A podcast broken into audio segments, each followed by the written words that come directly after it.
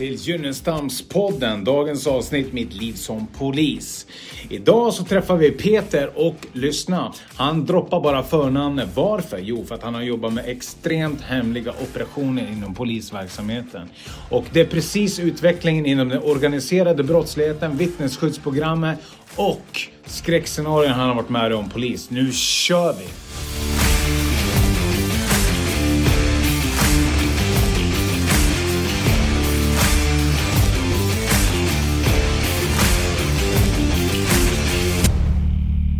Välkomna till Gynnestamspodden. Med oss idag har vi Peter. Hjärtligt välkommen hit. Tack så du ha. Tack. Jätteroligt att du ville ställa upp i Gynnestamspodden. Och idag så ska vi prata om sjukt spännande saker. Ja, eh, det är väl eh, spännande eh, att höra om man inte är invigd i det. Ja. Och det vi ska prata om det är polisen. Och polisen Peter här har jobbat med ett x antal saker under hur lång tid? 40 år i princip. I 40 år har du jobbat mm. som polis. Och under de här 40 åren som polis, vad, vad, hur, hur såg det ut? Om du berättar lite. Ja, alltså det har ju hänt en, en otrolig utveckling i den kriminella världen. Alltså när vi började som poliser, som då på 80-talet, så, så var det ju väldigt sällsynt att man fick ta på vapen till exempel. Va? Det var mm. inte så många som hade kniv, ibland hände det. Men med skjutvapen och sådär, det kom inte förrän någon gång mitt 90-talet. Och det var väl ofta i, i samband med, med Jugoslavien, eh, Balkankriget. Okay. Eh, så kom det in mycket, mycket vapen och sådär. Sen ja, så har du bara accelererat. Mm. Så det, den verkligheten då och nu, det är som två olika världsdelar. Det går inte att jämföra. Så det har blivit mycket, mycket sämre. Ja, okej. Okay. Eh, under de här 40 åren som polis, hur, hur, vad har du jobbat som polis? Har du jobbat insats, radiobil? Om du berättar lite om den resan i, inom polisyrket. Ja, man gick ju först på Polishögskolan då i, i Stockholm och sen efter ett år då så kom man hem till eh, sitt distrikt då, Göteborg. Och eh, där fick man ju gå en rundvandring på två år. Mm. Ett år på krim och ett år på ordningen.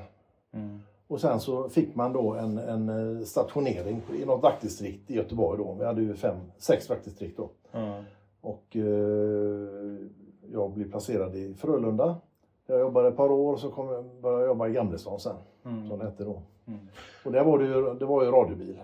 Mm. Men för ju... de som inte, de, för de som lyssnar och inte jobbar. Om, om vi börjar berätta, om du beskriver vad är krim? Alltså krim det är ju den civila delen, eh, kriminalpolisen helt enkelt. Va? Och eh, den rundvandringen vi gjorde, då gick vi runt på olika avdelningar för att vi skulle få en, en allmän bild av hur, hur polisverksamheten funkar. Och speciellt då kriminalpolisen. Då. Mm. Och det innefattas ju alla, då hade vi en ekorotel, vi hade en, en uh, ungdomsrotel, vi hade en, en bedrägerirotel, rotel, stöldrotel. Så allting var uppdelat på ett, på ett annat sätt än vad det är idag. Mm. Uh, och det kanske var bra för att ungdomsroten de hade koll på sina ungdomar. Mm. Eh, det har man kanske inte på samma sätt idag om man nu inte, om man nu, eh, inte räknar med våra närpoliser, de som jobbar ute i områdena. De är mm. väldigt duktiga och har god personkännedom. Men, men, eh, det är ju de i ytterområdena som jobbar med det. Va? Mm. Och det låter mer som, har det gått från en eh, specialisering till mer en generalisering inom polisen tycker du? På sätt och vis har det nog gjort det för att vi, vi hade ju till exempel en, en bedrägerirotel. De kunde ju allting om de här bedragarna. De visste precis hur bedrägerierna gick till. Och de visste vilka som var aktiv, aktiva inom bedrägerier. Och så de, jag vet inte hur många mer bedrägerier som löstes men jag, jag inbillar mig och tror att eh, bedrägerierna eh, eh, utredes eh, noggrannare för. För att idag så blir det så otroligt många saker de får hålla på med på, på, på, på rotlarna. Så att specialiseringen tror jag var en miss att man gick bort ifrån. Mm. Det tror okay. jag. Ja. Det innebär, innebär, inte att det har blivit sämre men jag tror att jobbar man på en ungdomsrote så känner man sina ungdomar. Idag, idag är det nog inte riktigt på samma sätt mm. inne på polishuset. Okej, och nästa var ordningen. Om du beskriver lite av ordningen för de som lyssnar så att de får en uppfattning. Ja, ordningspolisen det är ju den målade delen. Det är ju den uniformerade polisen. Mm. Och det innefattar ju allt ifrån eh, vanliga radiobilar, målade bilar, till eh, eh, häst, hästpoliser och hundpoliser och, och insatspoliser, eller piketen som det hette förr. Mm. Ehm, eh, Så det är den yttre, yttre verksamheten. Mm. Och trafikpolisen då. Mm. Som, som tar hand om allting som händer ute. Alltså den där, där, ja, folk ringer till ledningscentralen och så skickar de radiobilar på olika saker. Okej. Mm. Och, eh, och sen så fick du din eh, ute i Frölunda sa du? Ja, Ja, berätta, lite, berätta lite om den tiden. Ja, först gjorde man ju alterneringen ett år då, alltså rundvandringen på, på det i Gamlestan. Och sen fick jag inte fast tjänst där utan gick i åldersordning. Och jag var inte bland de äldsta då, jag var tredje nära så, men de två äldsta fick stanna kvar. Och jag fick flytta på mig till Frölunda då. Och där, där, då, då började man ju på en lista helt enkelt, jobbade, jobbade dygn, alltså jobbade skift. Natt, kväll, dag eller natt, kväll, kväll, dag. Och det var ju ren radiobilstjänst. Mm. Och ehm, om man ser tillbaka på sin karriär så var det fantastiskt roligt. Mhm. Ja, det är så roligt att komma till jobbet och veta absolut att jag vet ingenting. Okej. Jag har inte en aning vad jag ska åka på. Ja. Det kunde vara trafikolyckor, det kunde vara en, en gammal tant som har haft inbrott, det kan vara snatterier, det kan vara eh, våldsbrott, mord, dråp, misshandel, våldtäkter. Men, men det var en blandning av allting. Mm. Och, och eh, det var fantastiskt roligt. Mm. Jag gjorde det rätt många år, Mm. åkte radiobil. Mm. Eh, Så att, eh, och den, delen är, det är ju hjärtat i polisverksamheten. För finns det ingen radiobilspolis ute, eller polis ute på, då, då, då finns det ju ingen polisverksamhet. Det är ju de som griper folk, det är ju de som åker runt och, och ja, givetvis griper krimmarna också folk. Va? Men, men, men eh, det grundläggande, tryggheten i samhället, ligger mycket på den uniformerade sidan. För det är de man ska se. Mm. Jag, tänker, jag tänker närvaro när jag, när jag, när jag hör dig prata. Ja. Mycket viktigt. Ja. Eller vad var det som föranledde att du inte körde mer målad uniform sen? Vad, vad hände i din yrkesroll? Nej men alltså jag, jag jobbade ju eh, jag, jag jobbade ju med, med eh, under fjol- 15 år nästan Mm. och, och körde radiobil. Och jag körde även motorcykel på, den, på ordningssidan. Vi hade ingenting med trafiken att göra så jag gick MC-kursen då va? och körde motorcykel i princip. Eh, jag har kört motorcykel på julafton bland annat. Folk trodde inte man var klok för men det var bra väder och, Men det är annat i Göteborg? annat i Göteborg. Det fanns bara i Göteborg det här. Det fanns bara i Göteborg. Okej. varandra eh, med, med, eh, med radiobil eller med, med MC-tjänst på ordningssidan. Okej, hur, hur kommer det sig? Ja, Jag vet inte riktigt varför men det var ju det var ett fantastiskt hjälpmedel. Ja. För jag menar, man kom snabbt, väldigt fort fram och man, man, Mm. man var med åkte på allt. Vi körde två, tre motorcyklar ihop. Vi åkte, åkte på allting ifrån bank och postrån till pågående inbrott och jagade stulna bilar och vi får ju runt som bålgetingar. Va? Mm. och väldigt effektivt och framförallt var det en, en öppen verksamhet som när man ställde sig någonstans med tre motorcyklar då kom det nästan alltid fram en mamma eller pappa och så sa de så här kan inte grabben få titta på motorcykeln? Fast det var egentligen de som ville göra det. Va? Det är och sen så kunde vi stå där och köta med dem och jag kan ju prata på. va Ja. jag menar, det var en, en, man gav en positiv del av polisverksamheten. Barn behöver inte vara rädda för polisen. Nej. "Eh, nu får du passa dig, annars kommer, ringer vi polisen eller så kommer Mm. polisen och tar dig. De märkte att vi var vanliga människor. De fick sitta på motorcykeln och ta på sig hjälmen och, Mm. Och, och, sådär. Så att det var, det, var en, det, det- är en PR-grej också trots att vi jobbade på. Mm. I det här uttrycket fastnar jag på. Barn behöver inte vara rädda för polisen. Kan, kan du uppleva att det är så i dagens samhälle just Nej. nu? Nej, det kan jag inte, men jag vet ju det här gamla, det här gamla sättet att, att eh, ja, ja, men äter du inte upp maten nu så får vi nog ringa polisen. Va? Det, det har man faktiskt hört att någon Ja. förälder har sagt att du kan inte säga så. Nej, det Ja. kan du inte göra för att vi- för det första skiter vi om barnen inte äter maten och för det Ja. andra så ska barnen känna att polis, alla människor känna att polisen är en trygghet. Mm. Så är det ju. Och, och ja, det, den, den biten har försvunnit lite grann. Där förhoppningsvis kommer den tillbaka igen men, Mm. Den här tiden när, man var ute och fotpatrullera. Mm. Eh, och satt, satte sig på en parkbänk och pratade med ett lokalt eh, fyllo eller alko, alkoholiserad man som kunde berätta om allting om, om Göteborgs hamn till exempel. För 50 år sedan när han satt där. Va? Ja. Och han berättade varför Danska vägen heter Danska vägen. Och så, de var jätte... Alltså, Mm. och alla, vi blev stannade utav alla. Och den biten försvann då med omorganisationerna. För att då fick det var för få folk ute och de fick köra som skottspolar mellan de olika larmen. Va? De hann inte. Mm. Så idag så finns det knappt, eh, ja det finns väl men, men jag efterlyser en, en öppnare polis som vågar gå på gatorna och prata med vanligt folk. Mm. Och då kan man få jättemycket tips. Mm. När, gick, när gick polisen ifrån det här kan du uppleva? Det har nog skett successivt och det mycket handlar om pengar. Va? Mycket handlar om de här omorganisationerna. Va? Mm. Det var en gammal eh, romersk ståthållare, eh, erövrare, som en gång sa att det bästa sättet att skapa total kaos är att omorganisera. Mhm. Och det blev väl inte speciellt bra då med, med närpolisreformen. Och sen har vi hämtat hem det och det har blivit nya reformer. Och så, här, så att, det känns ändå som, nu har jag en, en eh, son som är polis idag va? och man pratar med honom så, så känns det som att man faktiskt är lite på väg tillbaka igen. Okej. Det känns så lite grann eh, faktiskt. Mm. Och det, jag tycker det är bra. Mm. Men vi har fantastiskt duktiga närpoliser och områdespoliser Ja. som jobbar och, och kan ju busarna på, på sina områden mycket. Mm. Och det, man måste kunna det, man måste ha personkännedom.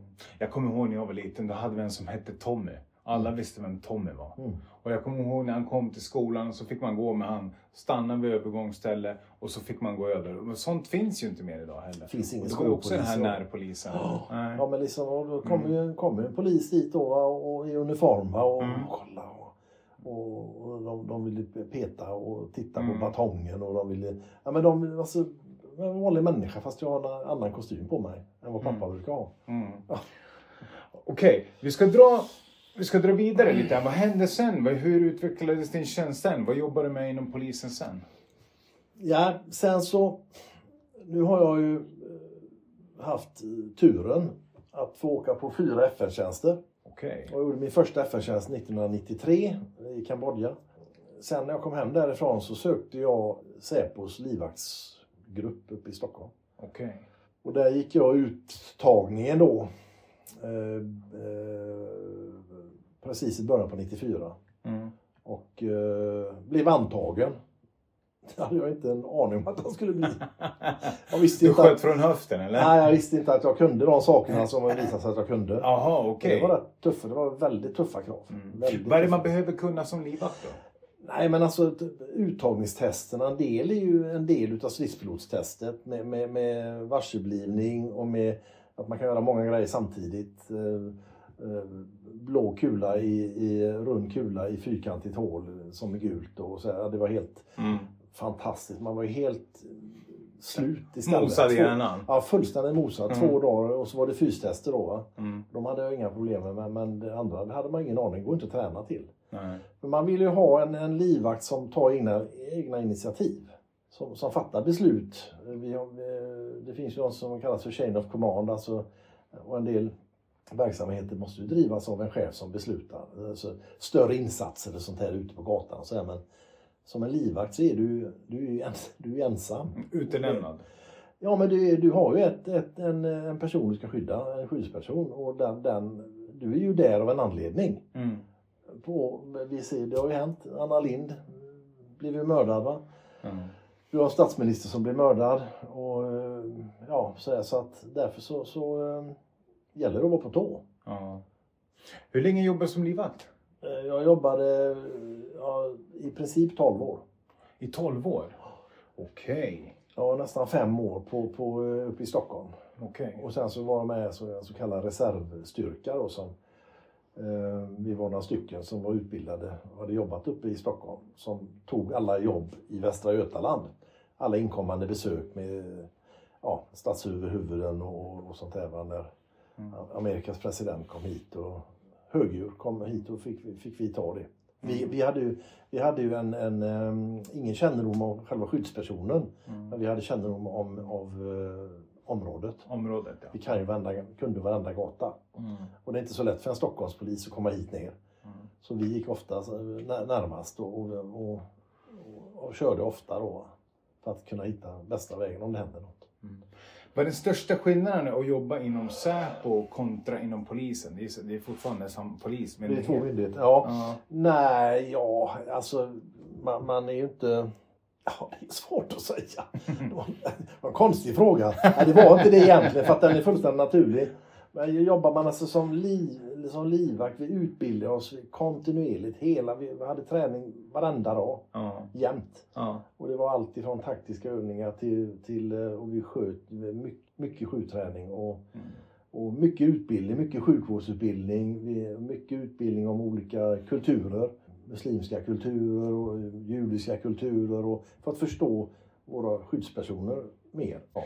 Eh, Okej, och där jobbar du som livvakt cirka 12 år sa du. Eh, ja, precis. Och sen tar du steget och jobbar med... Sen eh, fick jag, sen har, var jag ju på, på FR-tjänster till. Så jag, var, jag har varit på fyra stycken. Ja. Men sen eh, 2000, eh, 2007 så gick jag tillbaka. Sen skadade jag mig på en FN-tjänst. Okej. Så att jag var sjukskriven nästan, nästan två år. Ehm, och, och eh, när jag väl kom tillbaka så började jag på krimjouren. Och där jobbade vi med allting som hade med den akuta verksamheten att göra. Alltså alla, alla grova brott jobbar vi med. Mord, dråp, misshandel, eh, våldtäkter, eh, sprängning. Allting, de, den, eh, de, den riktigt grova kriminella eh, brotten. De, ja, vi åkte och lämnade väldigt mycket dödsbud bland annat. Det är ju inget, kriminellt men så vi hade rätt så, så vi tog de första ini- initiala förhören och med våldtäktsoffer på sjukhus och vi körde upp dem till sjukhus och vi pratade med dem efteråt och, Mm. och sådär. Så, så att det, det var ehm, det var, det var, det hände grejer hela tiden. Ja. Hela tiden. Så att det var väldigt, väldigt intressant. Mm. Ja. Men sen då så fick jag ju möjligheten då 2007 att börja jobba med, med eh, ett, i ett vittnesskyddsprogram då. Vittnesskyddsprogrammet. Och det var i vittnesskyddsprogrammet du jobbade eh, tills du slutade jobba som polis, eller? Mm. Okej. Så från 2007. Och jag tänkte att vittnesskyddsprogrammet och och kring den här organiserade brottsligheten, det är det vi ska prata mer om i del två. Så allihopa, stay tuned så fortsätter vi strax.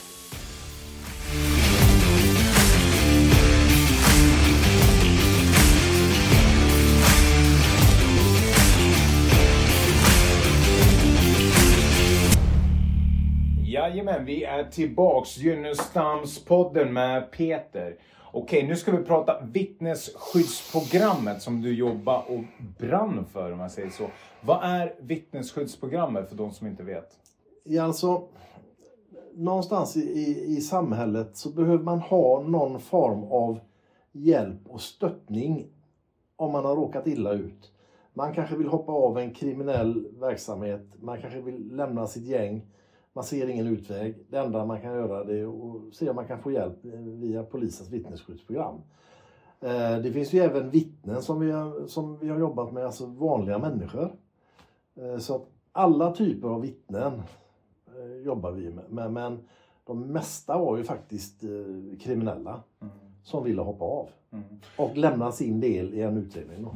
Men vad innebär liksom, vad är vidden av vittnesskyddsprogrammet? För, för de som inte lyssnar, då kan vi säga, jaha om jag, om jag vittnar här, Kalle Svensson mot uh, Göran här, kommer jag med i vittnesskyddsprogrammet Nej. då? Eller vilka, förstår du vad jag menar? Ja, absolut. Alltså, det, det görs, det, man gör ju en hotbildsbedömning givetvis. Mm.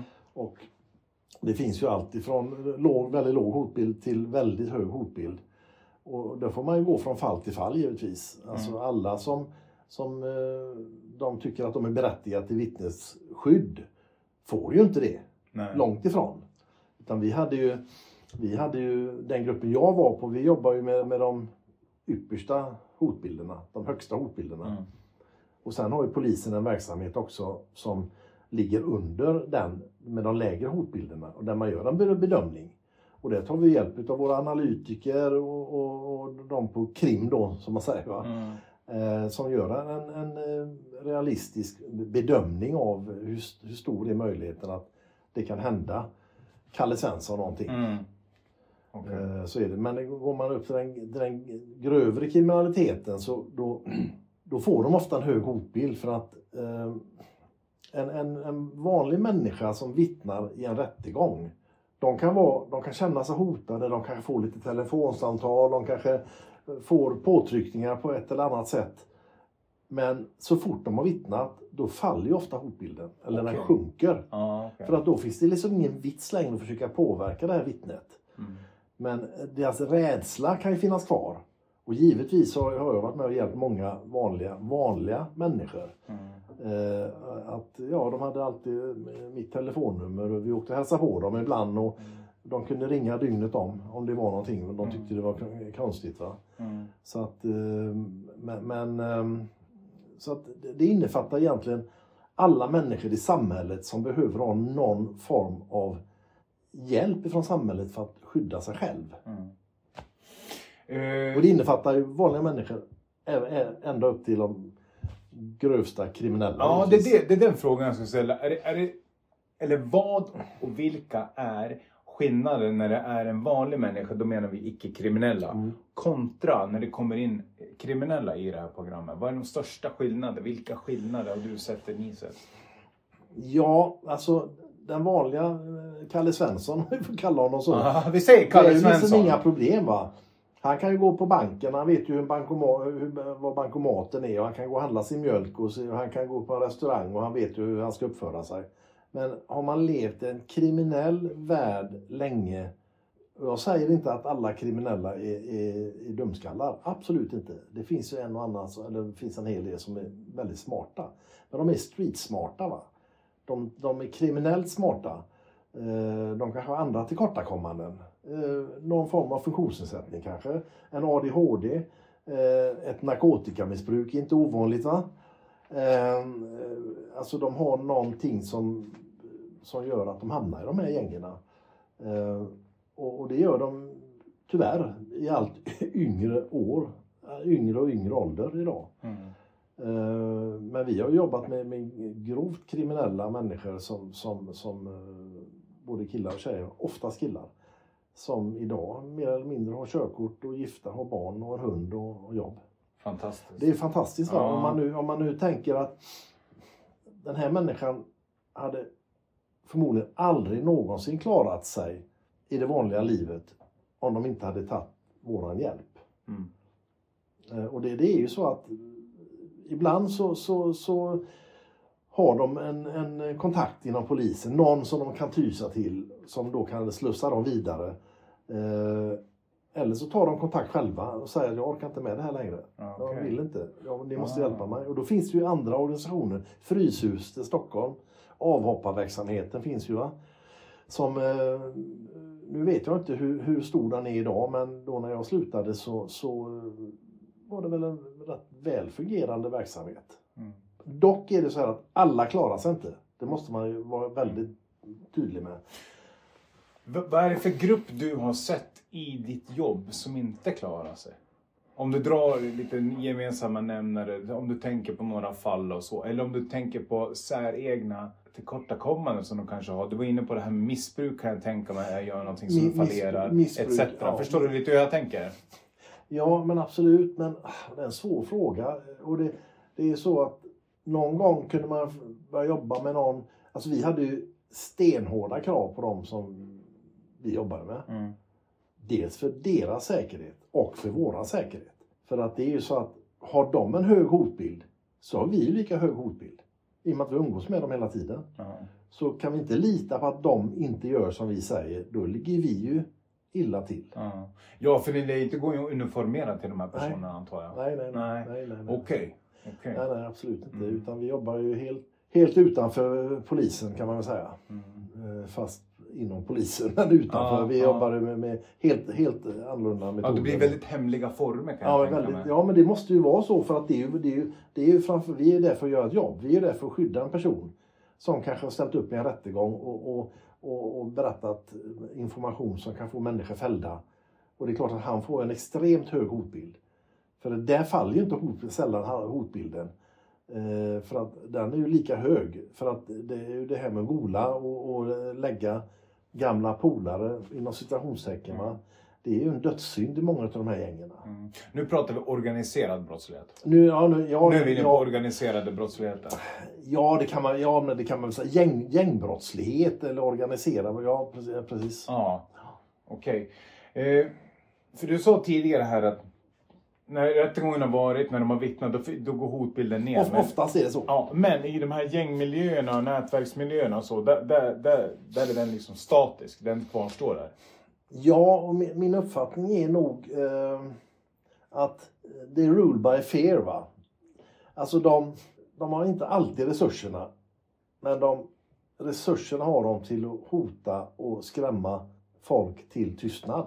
Mm. Så, så är det hur det funkar. Det, Ja. det är inget unikt för Sverige. Eh, så att de är livrädda. De är fullständigt livrädda. För de säger, ser de mig så jag är död. Ja, de, de dödar mig. Det är inte säkert de hade gjort det, men det är deras uppfattning. Det är det jag menar. Härska genom, genom eh, Rädsla. eh, rädslan. Mm. Alltså man, man, man tror ju, jag har en egen uppfattning, men de som hamnar i de här gängerna, så var det åtminstone förr, de har ju någon, någonting som gör att de hamnar i de här gängerna. Det är inga vanliga människor som gör det, eller extremt sällsynt. Alla kan råka illa ut, alla kan begå ett misstag i livet. Mm. Och, och få sona för det, det är en sak. Men de här människorna, de, de, de har ingen familj. De kanske har en, en, en, trasig uppväxt, de kanske har alkoholiserade föräldrar. Eller föräldrar som, som det är inte ovanligt, som är, de är gravt kriminella de är. Ja, men det sociala arvet är ju starkare än vad man Det är oerhört starkt. alltså. Otroligt starkt. Otroligt starkt. Ja, Otroligt starkt. Och då är det lätt att man faller in i jag har, inga, jag har inga kompisar, jag klarar inte skolan, fixar ingenting. De, ingenting funkar för dem. Ah, men vänta lite nu. Jag kan bli kompis med de här. Ja, kom in kompis för fan, det är inga problem. Du får vara med oss. Va? Mm. Och det är en chimär för att det finns ingen lojalitet överhuvudtaget i de här gängen. Det existerar inte. Nej. Så de som söker sig till den här, det är bara en, en, en, en chimär. Och de tror så mycket på detta för att de, de hittade sin familj. Äntligen har vi hittat vår familj. Mm. Men det är bara under ett väldigt kort tag. Och det är det. Ja, det är det.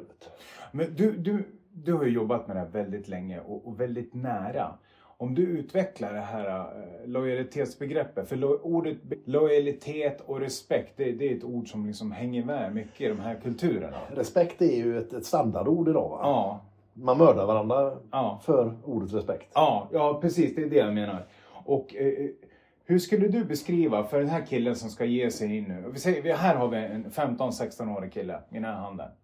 Som lever i ett utanförskap, som jag har, har lyssnat på dig nu. Det är en av drivkrafterna rätt in här. Vad kan den här människan förvänta sig av, av sina bröder då? Ja, det, det, är, det är nog det här eh, ryggdunket och så här. vad De får ofta göra skitjobbet. Ja. Eh, Och de, de gör ju allting för att jobbas upp i hierarkin givetvis. Det, är- det, det är min högst personliga uppfattning. Men jag tror inte att, jag tror inte att det är helt fel. Eh, Jag tror inte det. Eh, Jag menar, de har ju sina förebilder. Jag menar, när jag körde radiobil i, i Kortedala på 80-talet så jagade vi ju småbusar som hade stulit moppar. Mm. Idag sitter de på stora brottssyndikat och är chefer. De jagade vi när de var småvalpar. Ja. Hade vi kunnat ta dem då när de var 13-14 år, då hade de inte suttit kanske där idag. Menar jag inte, det fanns ju ingen vittnesskyddsprogram då, det är, det är inte aktuellt för dem ändå, men jag menar att vi, nu flummar jag iväg Det, lite. va? det är bra, det är bra att du flummar men, men, men, men någonstans måste ju samhället få upp ögonen för de som är på glid. Mm. Och det är, det är så fruktansvärt svårt Mm. att hitta de här människorna. Mm. Och det, det, hela, hela grunden bottnar nog i att vi har inga skolpoliser längre. Vi har liksom ingen, eh, ingen, ingen verksamhet. Alltså, det, det måste finnas en kommunikation mellan skola och, och föräldrar. Jag menar, jag, jag, jag får ju vortor över hela kroppen när jag ser ungdomar sitter inomhus och äter mat med keps på sig. Ja. Det är ju för att jag är så gammal. Så det är ju min... Det är ju min Ja. och jag, säger, jag, kan inte, jag, jag Ja. kan inte säga att det är fel, men Nej. så är det idag. Idag får du sitta och tugga tuggummi och ha med mobiltelefoner och dricka vatten på lektionerna. Ja. Hade vi gjort det när jag gick i skolan Mm. hade vi fått en, en, en, en linjal över fingrarna. Mm. Inte riktigt, men, men Mm. alltså det, allting har blivit mer lössläppt enligt Mm. mi- men jag är så pass gammal idag så jag Ja. har faktiskt rätt att säga så. Sen kan inte jag säga att det är fel. Nej. Eh, Men jag, jag tycker det är fel. det är klart. Det är svårt att uttrycka mig. Ja, nej, nej, jag, någonstans så hör jag vad du säger. Att, att de här 15-16-åringarna som du tog från början går in. De, de, de söker någonstans förebilder där de får det här ryggdunken. De får det här. Så här funkar det, så här funkar det Mm. Ja, inte. Och, och att man får tilldelad några normer som lojalitet och, och respekt som vi var inne och pratade på här. Ja, och liksom mycket, alltså, idag så handlar ju mycket av, mycket av eh, revirtänkandet, mycket av det här som händer idag, det är ju narkotika. Mm. Det fanns inte på, alltså när jag, när jag växte upp i Göteborg, när jag, när jag var ung valp, så var jag och eh, ett par polare ute och åkte till Rebergsplatsen. Mm. Det var ju skitspännande. Jag kanske var eh, 13, 14, 14 år, 15 år och ett par tjejer från klassen. Åkte vi dit. Och där träffade vi några jugoslaver. Vad gjorde de? De klappade oss. Kom igen, vill ni åka med, komma med hem? Eh, Alltså en familj var detta. De tog hem oss till sin... Och vi fick sitta där och käka deras mat och de var jättetrevliga. För så funkade det förr. Mm. Men idag, om du gör det, om du ber någon ungdom idag hänga med hem och äta mat. Det, det finns ju inte. Nej. Och då, då är det något skumt. Alltså hela samhället har ju blivit förvridet på något sätt. Mm.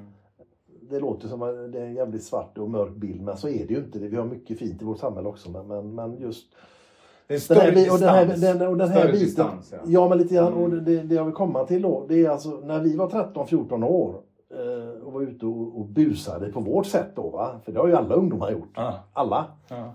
kört eh, trimmade moppar och hållit på. Va? Ja, men så det, det, det gjorde man. Det var ju, det var ju, det var liksom, det var ju inga, inget, farligt med det. Även om det var farligt så, så var det liksom inget som man hamnade i fängelse för. Men idag rekryterar man 12-13-åringar istället för att bära vapen för de kriminella. Mm. För det gör de inte själva. Och då, det är ju för att komma undan. De bär inte vapnen, de smågrabbarna tycker det är skithäftigt. Mm. Det är ju den biten som man måste komma åt på något vis. Va? Den tidiga rekryteringen. Mm.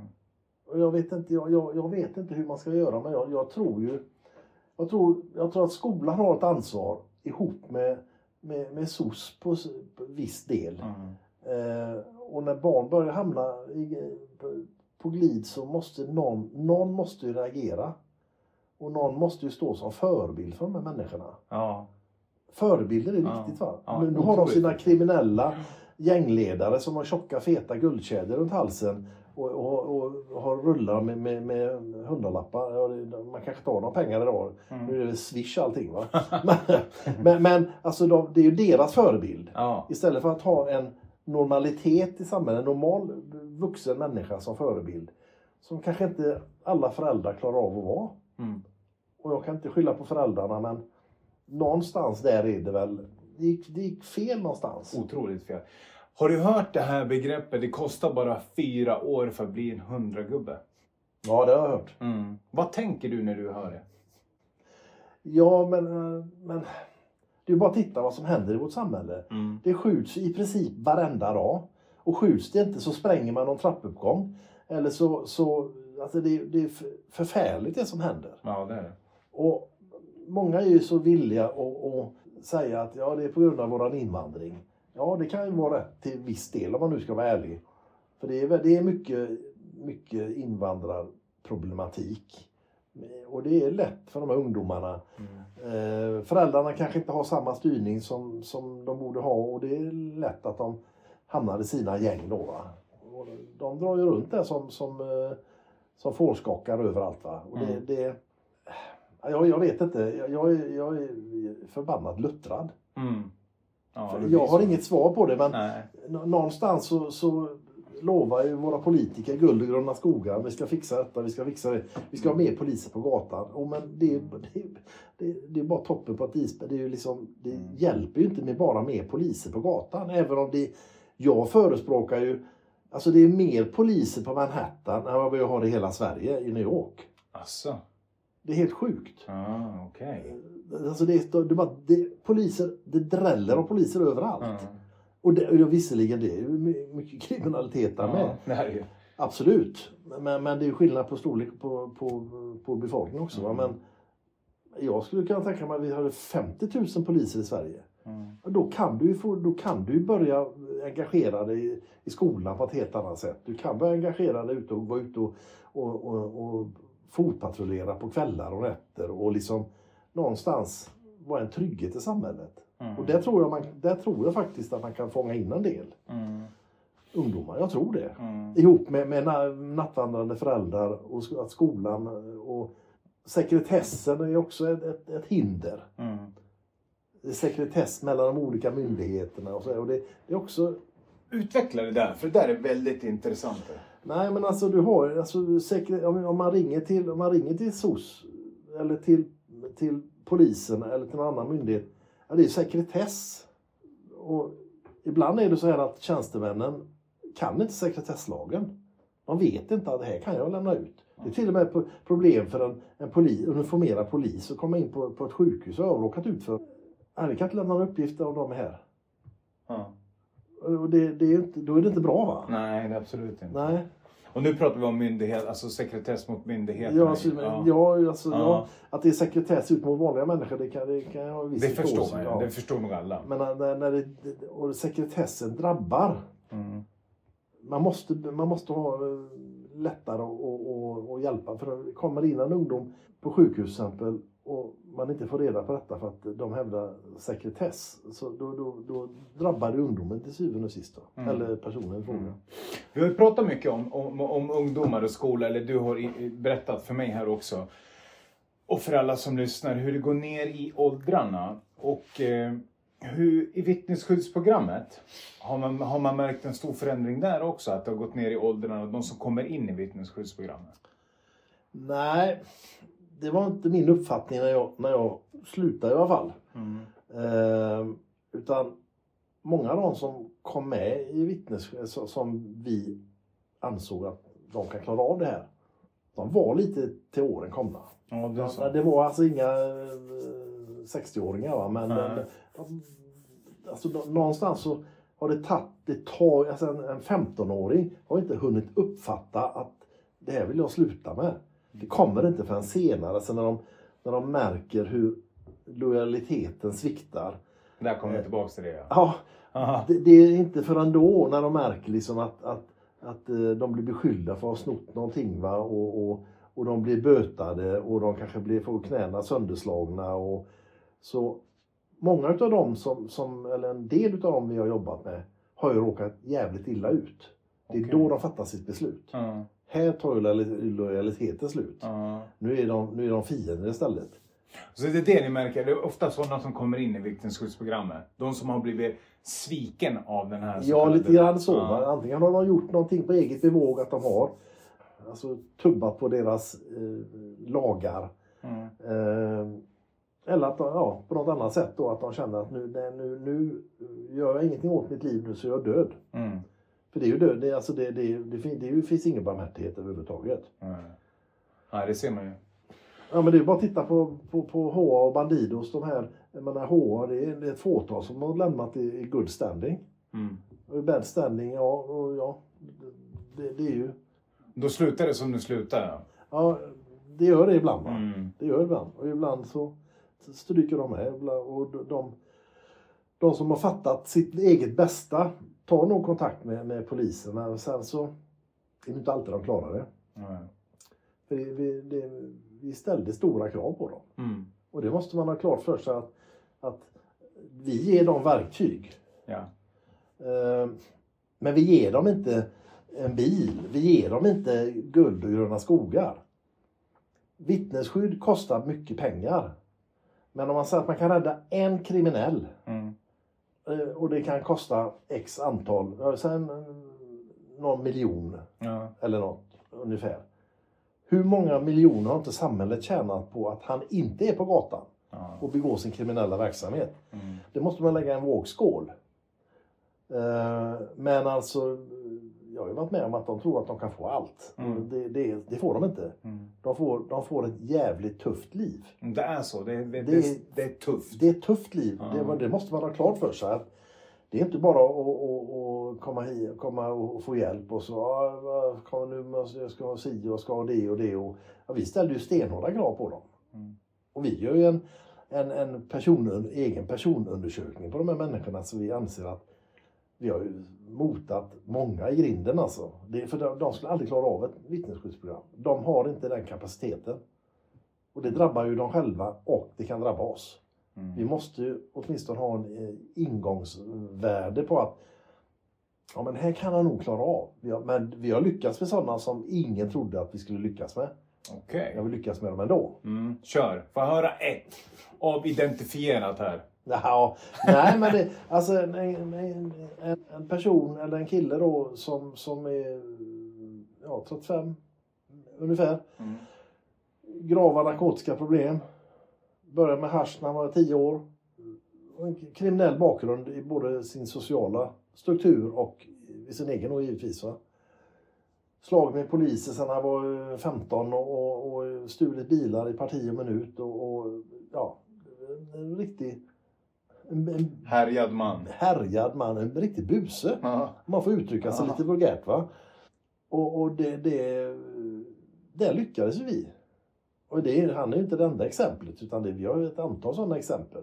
Och det är det som bygger våran... Eh, vi lär oss hela tiden hur, hur man ska prata med de här människorna, hur man ska jobba med dem. Vilka morötter man kan ge dem, vilka piskor man kan ge dem. Morot och piska va.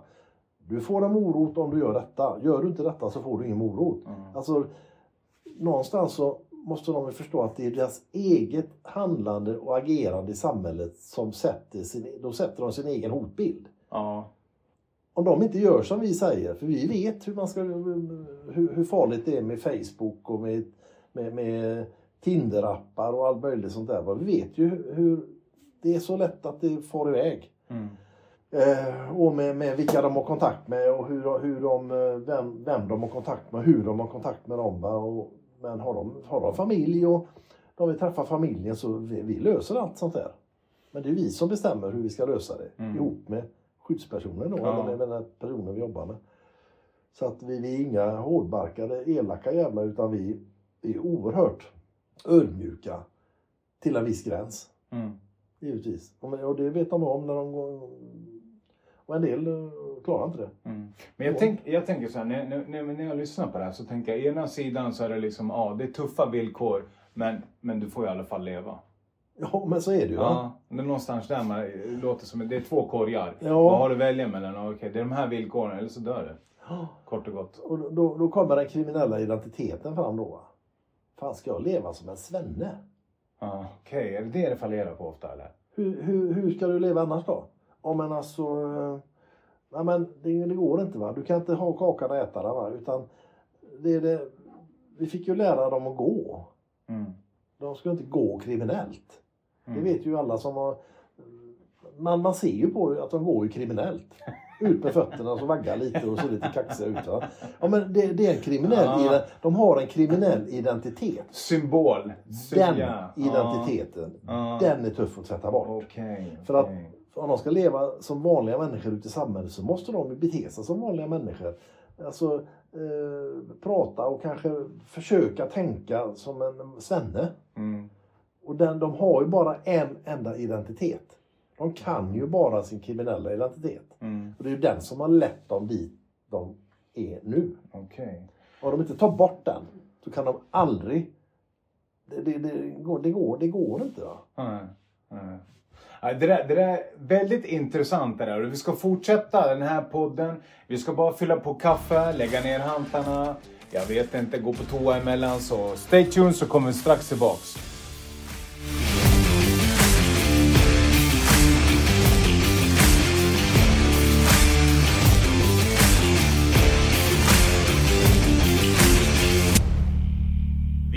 Tillbaks, Gynnestamspodden. Fruktansvärt spännande avsnitt där tycker jag. Okej Peter, jag tänker så här. Som polis under 40 år måste du ha upplevt sjukt mycket saker. Om du berättar om, vad är din värsta händelse? Om du drar någon av de, någon av de värsta. Ja, det, det, det, det, det finns så mycket och vi har varit med om så mycket så att det, men vi, ett par saker har etsat sig fast. Eh, absolut. Och, och det var väl när vi fick åka till Östra sjukhuset för att ambulansen hade kommit in med en kille som inte kunde uttrycka sig överhuvudtaget. Han var illa, illa skadad. Alla tio fingrarna var brutna bakåt. Ögonen var utpetade, det var bara två stora hål. Löv stack ut ur ögonhålorna på honom. Han kunde inte prata. Ja. Och jag och en kollega åkte dit upp och vi, vi tittade och tänkte det är inte sant. Det här, är ju en, eh, det här händer ju inte. Det en horror movie. Men till slut så han hade lite gutturala ljud för sig och någonstans så började ticka någonting i min skalle. Han kan inte prata. Mm. Han är dövstum. Okej. Det var precis vad han var. Så då sa vi till de, de på sjukhuset, men ni måste gå och, har ni någon, någon dövstumstolk? Ja men det har vi faktiskt här. Så de hämtade den. Jo, det var, det var faktiskt en, en, en dövstumstolk där som kunde då, då kunde han, hade de ju rättat ut fingrarna, de var ju av allihop. Då kunde han teckna bokstäver på den här Mm. eh, människan. Och den här människan, dövstumstolk, ja på något vis då. Och, så de fick en kommunikation och då, då fick vi reda på att han hade varit ute och gått. Han hade en grav astma. Han var dövstum. Eh, han var ute och gick i, i eh, ett eh, terrängavsnitt eh, vid en motionsbana i Göteborg. Och han går, och det var tidigt, tidigt en morgon. Han överfallen bakifrån. Och nedtryckt i en, eh, man kallar ett kärr. Med ett par decimeter vatten. Det var fullt med löv. Och samtidigt som han blev nedtryckt där så stoppade han bakifrån in bägge sina tummar rätt in i hans ögon. Så att de, ett öga krossas ju, ett öga eh, ja, det, satt nog in i skallen bägge två. Mm. Ehm, men eh, han, var, han var faktiskt otroligt duktig att förklara exakt vad det hade hänt någonstans. Och när vi hade fått den historien klart för oss och larmet hade ju kommit till polisen att där står, det, det, det står en människa utan ögon och är helt sönderslagen ute i terrängen. Det var, de, de trodde det var en, eh, ett brunstigt rådjur som skrek Mhm. först. Mm. Ehm, och då åkte vi tillbaka dit och då var det vid en motionscentral och det var, det var en sån här i- toalett då för, för de som motionerade där. Och, där, och då hittade vi stället där, där vi såg att det hade varit handgemäng där i, i leran. Och så kände jag på toalettdörren, då var den låst. Mm. Okej. Och då lyckades jag pilla upp det låset. Och där sitter gärningsmannen där inne, fyra timmar senare. Och är helt apatisk. Han bara sitter och skakar. Och det visade sig senare att det var en, en väldigt duktig idrottsman. Okej. Som hade varit i Australien på träningsläger och fått upp ögonen för det här med att röka svamp. Okej. Eller hur man nu gör. Och han hade tydligen dratt i sig något och fått en fullständig jättepsykos. Och fick bara för sig äh, någonting. Och han var ute och gick där på morgonen och fick syn på den här dövstuve mannen. Och, och det, ja, det, var, det var ju traumatiskt. Så att han blev gripen då givetvis. Jag var på rättegången sen. Nu är han ju sten, helt blind, stendöv och kan inte prata. Vilket fruktansvärt öde. Vilket öde. Ja, Så det, och jag har tidningsartiklar kvar efter det. Det var helt förfärligt. Mm. Ehm, Vad hände med gärningsmannen? ja, eh, det här är ju det är många år sedan, det här är ju 80-tal. Eh, men jag har för mig att han fick psykvård. Jag har för mig det, det blev så. Jag har för mig det blev så. För under rättegången har jag för mig att han såg rätt så vårdad ut då. Ja, men Jag har för mig att han fick eh, sluten psykiatrisk vård. Okej. Jag har för mig det. Mm. Men det var ju på första sidan i tidningen. Det var alldeles förfärligt. Ja, det låter fruktansvärt. det, där Ja, det låter, helt ja, det där var hemskt. Och vilket öde för den här människan också. Ja, och så har vi den där eh, det, det berömda hissmordet också. Det var också någonting som sitter i... eh, Ja, det var alldeles förfärligt. Det var jag och en kollega vi fick från ledningscentralen. Vi skulle åka till eh, ett höghus i, uppe i Kortedala. Och eh, vi kommer dit. Vi skulle upp på ja, fjärde, femte våningen någonstans. Och trycker ner hissen och öppnar hissdörren. Och det var bara det var två centimeter med levrad blod. Hela, hiss, hela hissen var helt insmetad med blod. Hela, det var, så vi gick in och ställde oss på hälarna där. Mm. Och åkte upp då till eh, aktuell våning. Öppna hissdörren och där ligger det en, en eh, ja, till synes livlös man. Han var ju avliden, men det visste vi inte då. Och så öppnades dörren och så titt, eh, kommer ut en, en fullständigt eh, skrikande kvinna av förståeliga skäl och säger att det, det ligger en till på våningen över. Okej. Och då tog jag brandtrappan upp och där låg ju gärningsmannen visade sig sen. Okej. Då hade han, eh, gärningsmannen hade stått och väntat utanför sin före dettas dörr. När hennes nye kille kom. Mm. När han öppnar hissdörren så skär han halsen av honom.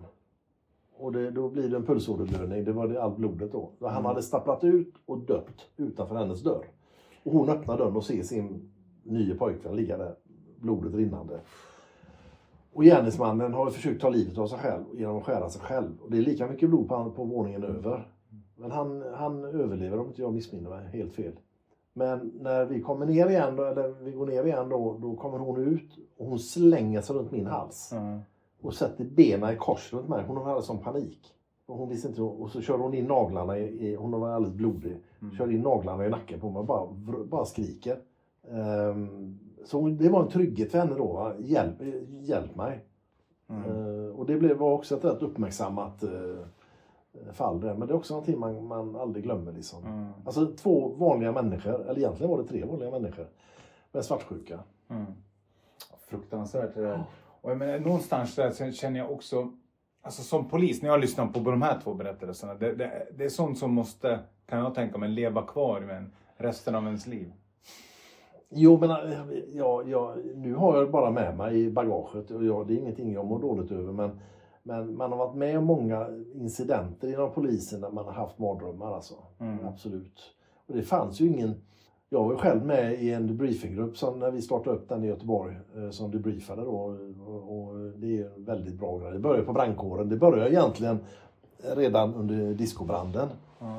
Eh, och det, eh, det var väl 98 Vad är discobranden för någon som inte... i Göteborg. Den, den, det, det, var, ja, det var 57 som dog och, och, och eh, det är väl en av de värsta bränderna vi har haft i Sverige tror jag. Eh, Och det var fyra ynglingar, tre eller fyra ynglingar som tände eld på massa möbler utanför en nödutgång. Och det tog sig ordentligt. Och, och så att 57 brann inne då. Så, och då hade, då hade ju brandkåren en, en debriefinggrupp. Och polisen hade väl någonstans börjat tänka på det också, att man måste kanske ta hand om sina anställda. För när, när, när man var med om sådana här saker så klappar de bara, ah, det, det där har du glömt imorgon. Det är bara att fortsätta, bra jobbat, dish, Mm. fick man en klapp på ryggen. Mm. Och, och sen var det alla tankar, då var man ju ensam. Mm. Så att eh, det, det, blev ju, det blev ju bra med, med en sån grupp. Så att, man, har- det så, man har varit med om så mycket grejer och det är intressant. Men framförallt så är det inte de här, det är inte de här eh, tragiska sakerna igen. De kommer man ihåg. Ja. Men alla de roliga grejerna man har gjort. Mm. Berätta. Allt är kul. Mm. Eh, hjälp människor. Alltså, folk som har låst, eh, låst in sina bilnycklar och folk som har eh, bara en sån enkel sak som att åka på ett inbrott som man idag tycker är ett skitbrott. Men det kan vara det värsta du har råkat ut för hela ditt liv. De har rotat runt i dina underklädeslådor och de brötat och det ligger skräp överallt. Det kan ju vara det mest traumatiska som en människa kan ha råkat ut för. Mm. Och sitta ner och prata med de människorna och, för, och lugna dem och, och förklara och liksom så här. Det lugnar ju ofta dem. Mm. Så det, det, är en, det är en tillfredsställelse att vara i yttre Om man bara har tiden. Vi var inne på det här lite ti- eh, tidigare i, i, i avsnittet. Just om den här eh, patrullerande polis, alltså att det fanns ungdomspoliser, högre, högre närvaro och allting. Eh, om man sätter det i, i kontext till att brottsligheten går ner i åldrarna. Tror du att det där var ett bättre förebyggande arbete förut då? Ja, alltså jag vill nog inbilla mig att om, alltså jag, jag tror det är lättare för människor att prata med en polis som kommer gående på gatan. Som stannar och pratar med, med, med, med allmänheten, om man nu får kalla dem så. Det är lite vulgärt uttryckt, ju allmänheten. Med, med människor på gatan, vanliga Ja. människor. Ja. och ta sig tid att prata med. Så då tror jag att man kan få jättemycket information om vad som försiggår i området. Eh, alltså vanliga människor har rätt bra koll på vilka som är busiga i området. Mm. Och det är ju inte busa menar inte jag slänga en, en, en smällare i en brevlåda utan det är de som rör sig och man, de, de har rätt så bra koll. Mm. Och jag tror att man måste ner på det stadiet för att, för att eh, när, närheten till, till människorna. Och jag älskar ju att prata Mm. som du märker. Ja. Och det har jag även gjort i jobbet. Ja. Eh, Och, och eh, någonting som kunde vara fantastiskt roligt. Det var när man var ung polis. Fick stå på trafikkontroller. Det var skitkul. Alltså? Jätteroligt var det. De var så nervösa när de kom in där, både gubbar och tanter och ungar bak. Och, och, och ungarna satt bak och, och, och himlade. Nu, pappa, har, får du visa körkortet? Och så stod man där och tjötade med dem en stund. Va? Ja. Ja, ungarna fick hoppa ur bilen, komma in och titta hur radiobilen såg ut. Och de kunde stå en kvart och 20 minuter och prata med mig där. Jag menar, det är ju det som är, det är, det är det polisen är till för. Ja. Det är ju inte att sätta dit folk. Nej. Polisen är till för att skydda folk. Mm. Sen måste de sätta dit och gripa, gripa eh, gärningsmän givetvis. Mm. Men den, annans, den sociala biten har nästan blivit bortglömd idag för det finns inte tid. Och den är minst lika viktig. Att, eh, att gamla Agda, 85 år, ska kunna känna sig trygg när hon går eh, med, med sin rollator och ska handla. Va? Vad är det som slukar alla resurserna? Dålig organisation tror jag. Okej. Jag tror, jag tror Ja. det, utan att veta bättre, men jag tror omorganisationer och sånt här. alltså, Så har det gjort så här att så har vi fått mobiltelefonerna. Och det är jättebra, men det är värdelöst. För att det rings in till ledningscentralen konstant hela tiden. Jämt, jämt, jämt, jämt. Och det är väl bra att man kan larma, men allt är ju inte allvarligt. Nej. Men du vet, poliser idag de åker fram och tillbaka, de åker mellan olika larm och olika uppdrag. Va? Alltså det har hänt så mycket med samhället. Och det händer så mycket mer så att resurserna har blivit för få. Och då, då är det bra att man fyller på med, med poli, mer poliser givetvis. Men jag tror att man måste ha en bra organisation bakom som inte bara kör runt och åker radiobil. För det, det är ju, det är ju det är ju samhällets stöttepelare ute i samhället. För då ser man ju polisbilar Mm. överallt och de åker kors och tvärs. Men de har liksom aldrig tid att, att, att gå ur bilen. Och ja, det gör de väl ibland, men ofta är det väl närpoliser eller som vi kallar det för, kvarterspoliserna då. Mm. De, de som tar sig den tiden. Men åker man på en larmbil eller en, en bil som får alla de här första uppdragen, de hinner inte det. Väldigt sällan i alla fall.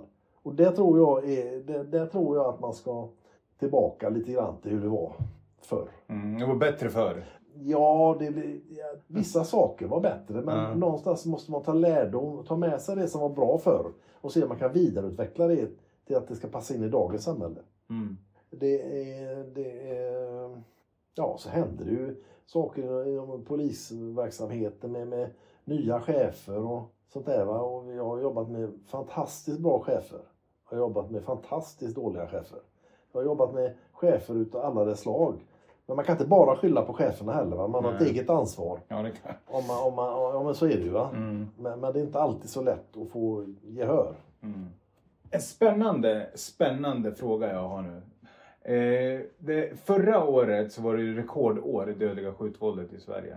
Och eh, Göteborg har ju, har ju toppat det här med mord jäkligt många gånger. Men förra året så var det endast för att vara Göteborg bara fyra mord. Vad tror du, vad tror du det har att göra med? Jag vet, jag vet inte. Jag, jag, det, kan jag faktiskt inte... Jag, vis- jag visste inte om den statistiken. Nej. Den, Men är- när du den hör den? Ja, den är intressant. Eh, alltså, jag, jag, jag tror väl att po- polisen kanske har jobbat på ett system och med, med att få information och, eh, och ligga på de här som man vet begår de här, eh, mycket av de här brotten på ett annat sätt. De, och det kanske är det som har gett resultat nu. För det tar ju ett tag innan, Ja. innan, innan det ger resultat. Men, men ja, jag, vet, jag vet, vet faktiskt inte. Nu, nu är jag Göteborgspolis och, och tycker väl att det är den bästa polisen i hela Sverige. Nu får jag skit utav stockholmarna och Malmö, Malmö och de övriga Sverige. Men, nej men så är det väl inte. Alla poliser är ju fantastiskt duktiga och gör, vill ju göra sitt jobb på ett bra sätt. Men, men ehm, det räcker inte. Jag anser inte att fängelse är ett bra straff. Nej. Men det kan vara väldigt bra ändå. Mm. För vissa människor måste man låsa in. Mm. Det är så, de ska inte vara ute. Mm. Och för vissa människor så blir det en, om man är hyfsat normal och begår en, en, en kriminell handling, man får sota för det. Ja, men, då, då tar man väl den lärdomen med sig. Va? Men det är bara att titta hur det funkar med de här ungdomsfängelserna. Det var en ny fritagning här igår var det väl va? Ja, jag vet inte. De fritog en, en på ett ungdomsfängelse. Fängelse är, är, måste man ha givetvis. Och jag, jag är inte emot fängelse. Men, men det, det, det, det bästa vore väl om man, om man kunde förhindra brottsligheten innan. Mm. Det låter ju som en, eh, jag lever i en dröm. Men, men, men någonstans så måste man ju ha en, en fantasi. Va? Och idag räcker ju inte fängelseplatserna till. Nej, nej det är gör de inte. Så är det ju. Nej.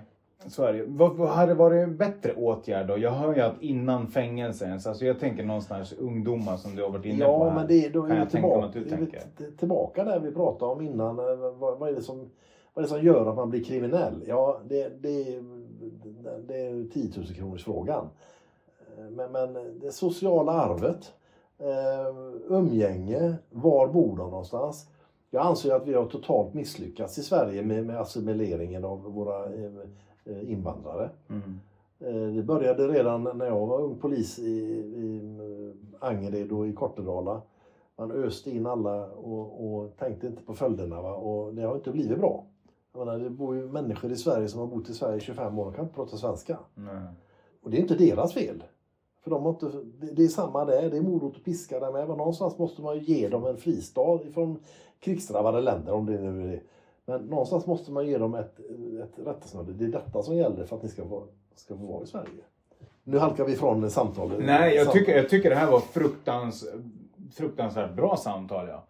Skulle jag vilja säga. Jag tänker så här ja, Peter. Om du summerar de här 40 åren som polis i två meningar. Får du ner det i två meningar då? Och jag som gillar att prata så mycket. Nej, det, Nej, det, du menar att du behöver inte vara två meningar. Nej, jag, jag vet- ja, det fattar Ja, ja, ja, jag tror det. Mm. Nej, jag, jag, eh, jag, jag, jag, jag vill gärna tro att, att eh, samhället är, är, är på det. Jag, jag, jag, jag tror någonstans att med, med, med, med, med våra lagstadgande med myndigheter och med våra domstolar och våra polisväsende att man någonstans kan få hejd på det här. Jag tror, jag tror det är svårt. Utan med de som är idag tror jag en del är hopplöst. Så Mm. jag, jag tror ju på den unga generationen. Det är där man måste, och det, det är ju alla överens om. Mm. Man måste börja i tid. Mm. Och man måste få se varningssignalerna. Och då krävs det ju att skolan rapporterar. Det krävs att föräldrarna är är uppmärksamma. Det krävs att SOS funkar. Eh, Det krävs att BUP funkar. Det, alltså det krävs att alla de här Ja. samarbetar. Samverkan, Samverkan. ja. Men, men eh, det, det, det, det, kom, det tar ett tag. Men Mm. man blir orolig med, med, med, med alla skjutningar som är. Va? Vi, vi, hade väl, vi ledde väl per capita hela Europa tror jag. Mm. Ja, ja, ja, ja. I, i överlägset också. Ja. Och, och varför har inte Danmark det här problemet? Ja det har de ju men, men eh, varför har inte Finland samma brottslighet? Varför har inte Norge samma brottslighet? Jag vet inte. Okej Peter, tusen tack för att du ville ställa upp här i Gynnestamspodden. Får jag höra ett avslutande ord? Tilltro till varandra. Fantastiskt. Med det så säger vi tack och bock, hej då! Jag, jag,